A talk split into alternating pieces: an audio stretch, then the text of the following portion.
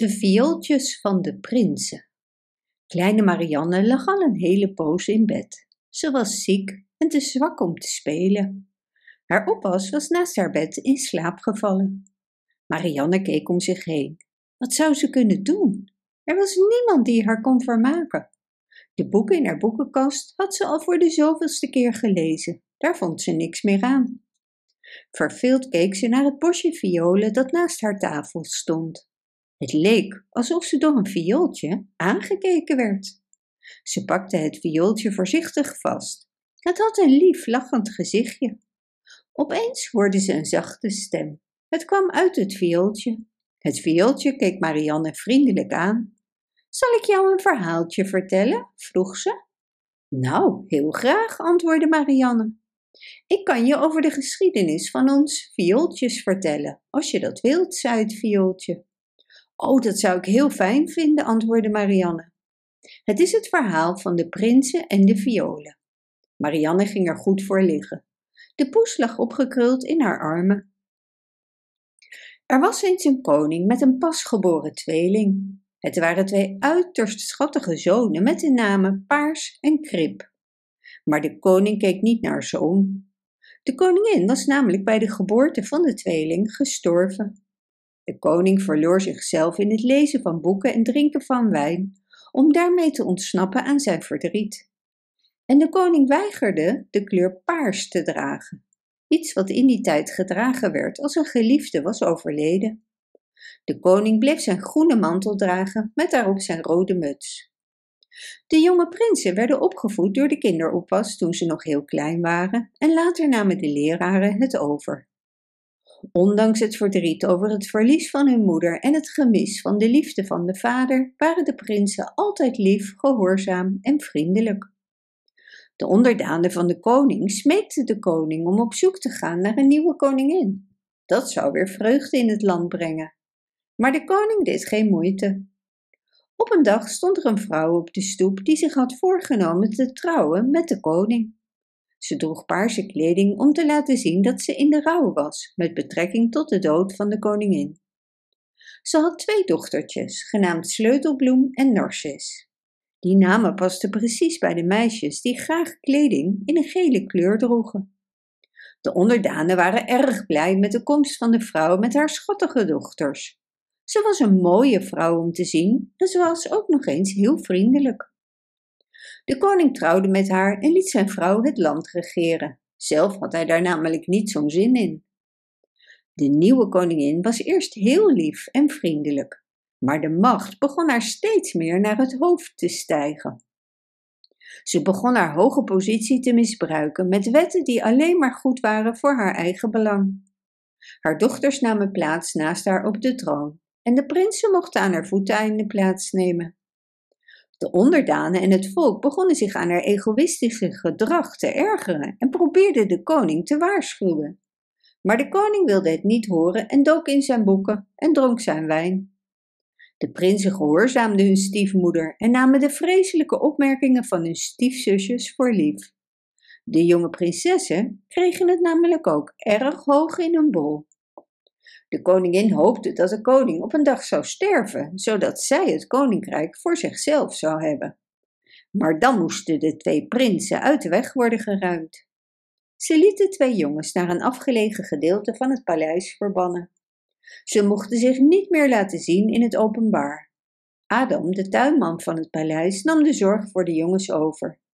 Hij leerde de jongens alles over planten, bloemen en tuinieren. Ook leerden ze dansen en muziek maken. Op een dag begonnen de jonge prinsen naar meer vrijheid te verlangen. Ze smeekten de koningin om hun vader te mogen spreken. En de koningin schrok toen ze de jongens zag. Wat waren ze knap en slim! Die avond liet ze de jongens door soldaten gevangen nemen. Ze werden opgesloten in een hoge toren, waar ze dagelijks alleen een stukje brood met water kregen. Om hun afwezigheid te verklaren, zei ze tegen de koning dat de jongens waren weggelopen en dat ze mensen op pad had gestuurd om ze te zoeken.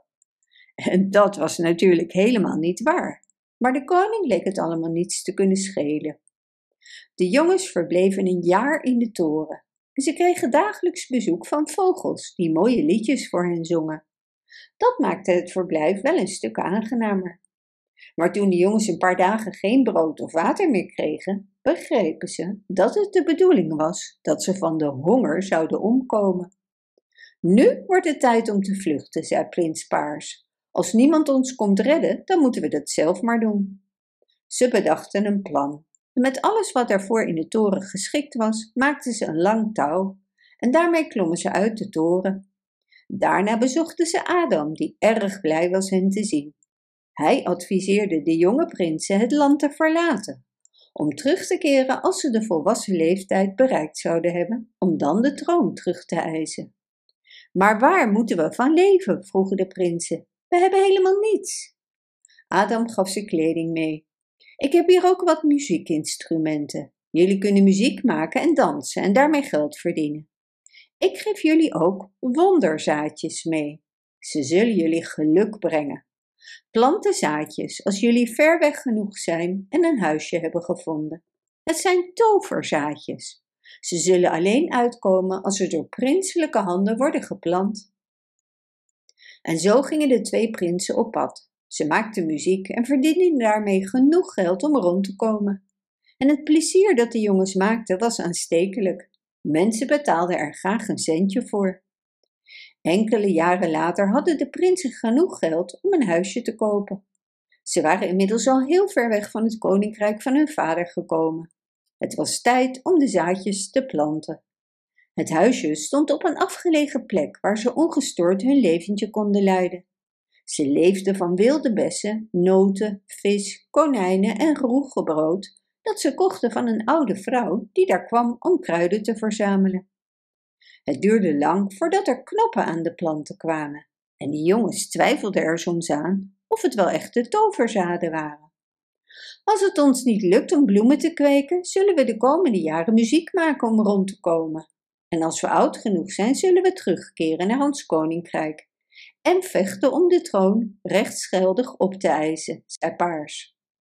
De oude vrouw is heel nieuwsgierig naar ons tuintje en de planten die wij hier aan het verbouwen zijn, zei Krip. Ik heb haar gezegd dat we het zelf ook niet weten.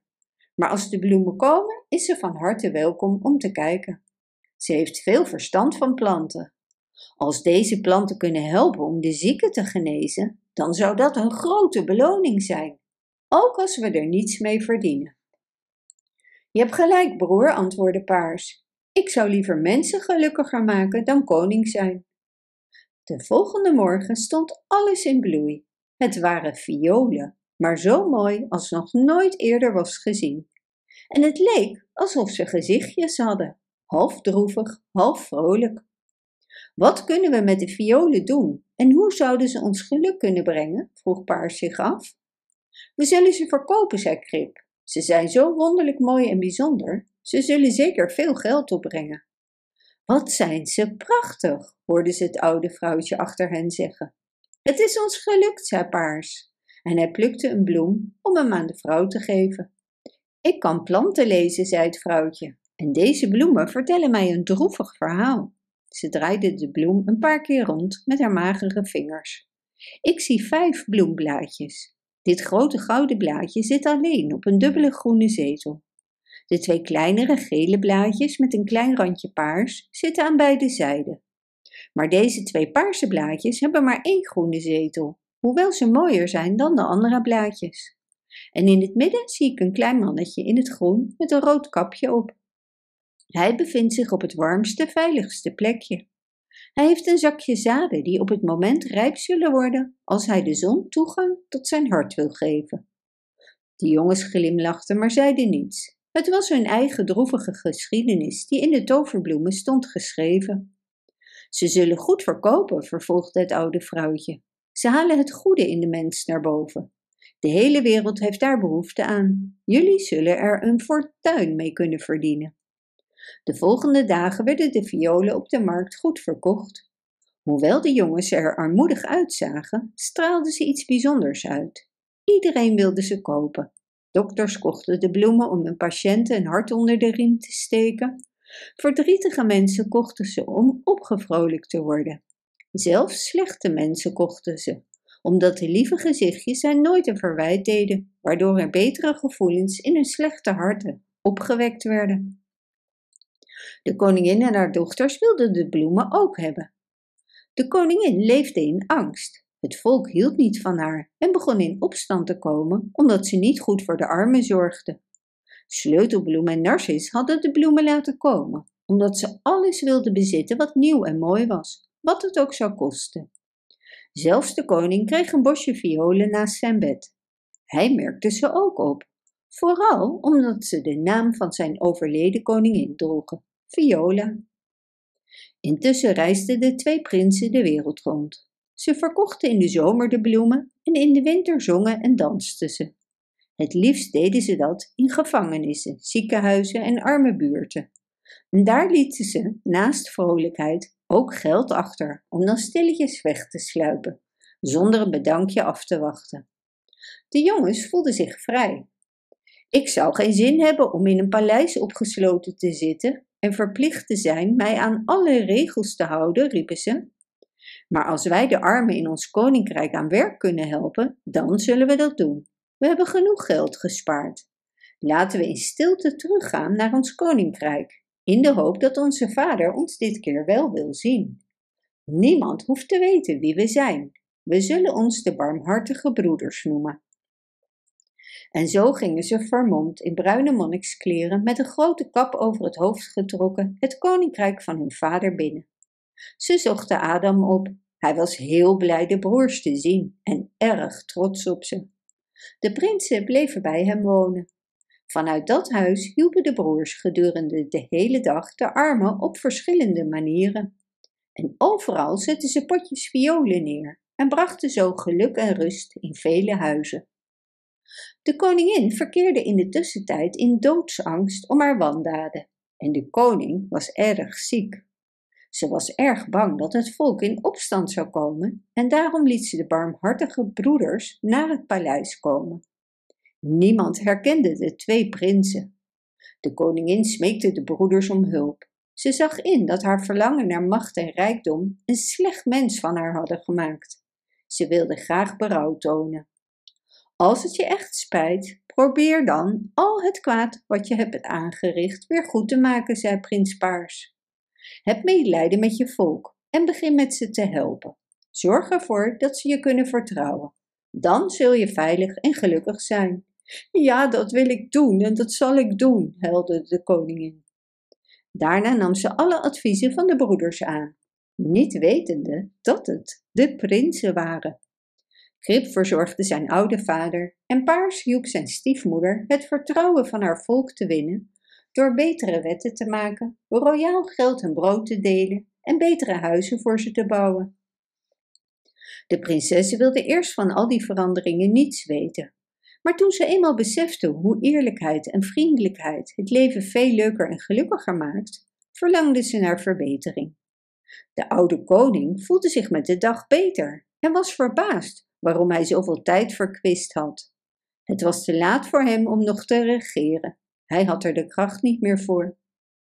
De koningin hoefde niet meer te vrezen voor het volk, maar ze voelde zich zo slecht over de verloren prinsen dat ze besloot afstand te nemen van de troon. Ze zou zich terugtrekken in een klooster om daar boete te doen. Maar dan was er dus niemand meer op de troon. Er kwam een grote raad bijeen en de koningin stelde voor dat de broeders de beste keuze zouden zijn om het land te regeren. En daar was iedereen het mee eens. Er klonk gejuich.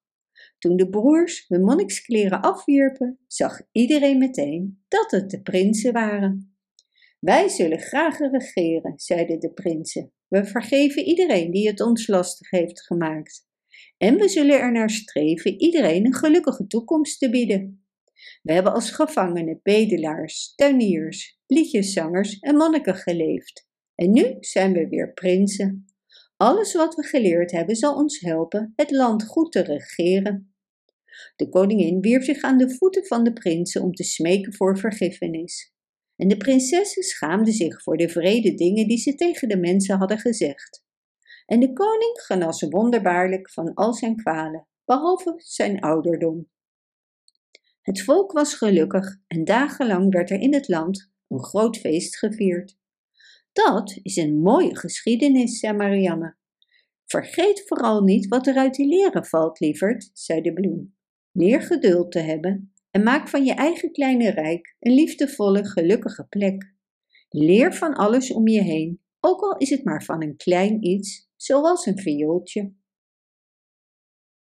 Bedankt voor het luisteren. Wist je dat je dit verhaal ook op onze website ridiro.com/nl kunt lezen, downloaden en printen?